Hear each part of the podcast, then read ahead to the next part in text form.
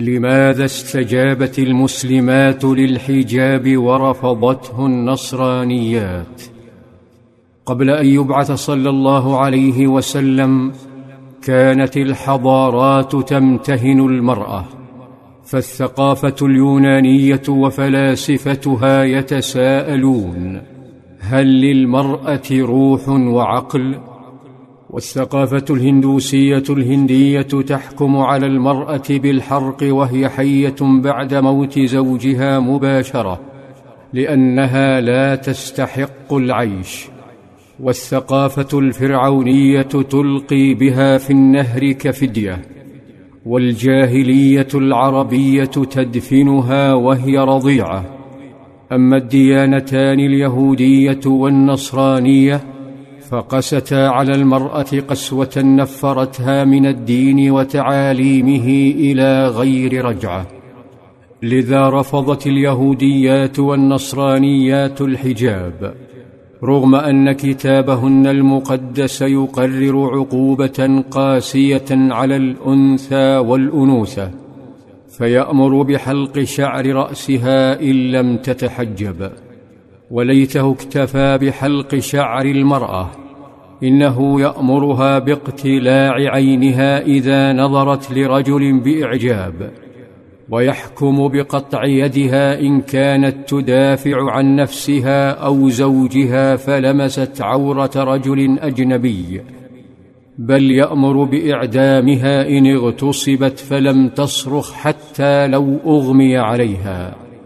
الكتاب المقدس يجعل المرأة اليهودية والنصرانية مصدرا للنجاسات إن حاضت لدرجة أن من لمسها أو لمس شيئا لمسته أو جلس على شيء جلست عليه فعليه أن يستحم ويغسل ثيابه.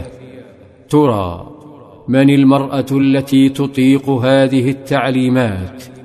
وما الحالة النفسية التي تصاب بها؟ وهي تتمزق بين زوج تحبه وأطفال لا تستطيع تقبيلهم والعناية بهم ولا حتى لمس أثاثها وأدواتها المنزلية خشية أن تنجسها. ما حال الزوج وهو لا يستطيع حمل وتقبيل طفله الرضيع؟ لأن أمه أرضعته من ثديها النجس. أي زوجة تطيق ذلك؟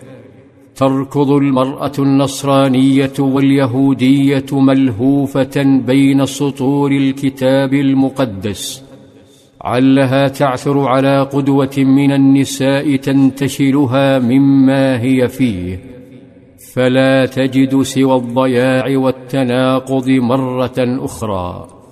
وذلك حين يصور لها هذا الكتاب بنات الأنبياء كمجموعة من الفاجرات. عندها تقول لنفسها إذا كان هذا ما تفعله بنات الأنبياء فمن أنا لأكون أحسن منهن. هنا لم يبق مع تلك التعليمات القاسية من الدين سوى اسمه.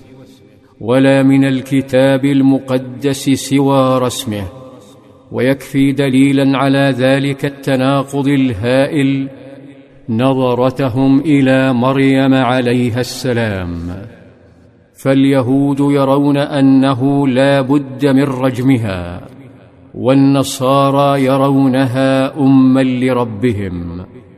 أما القرآن الكريم فيقول عنها يا مريم إن الله اصطفاك وطهرك واصطفاك على نساء العالمين.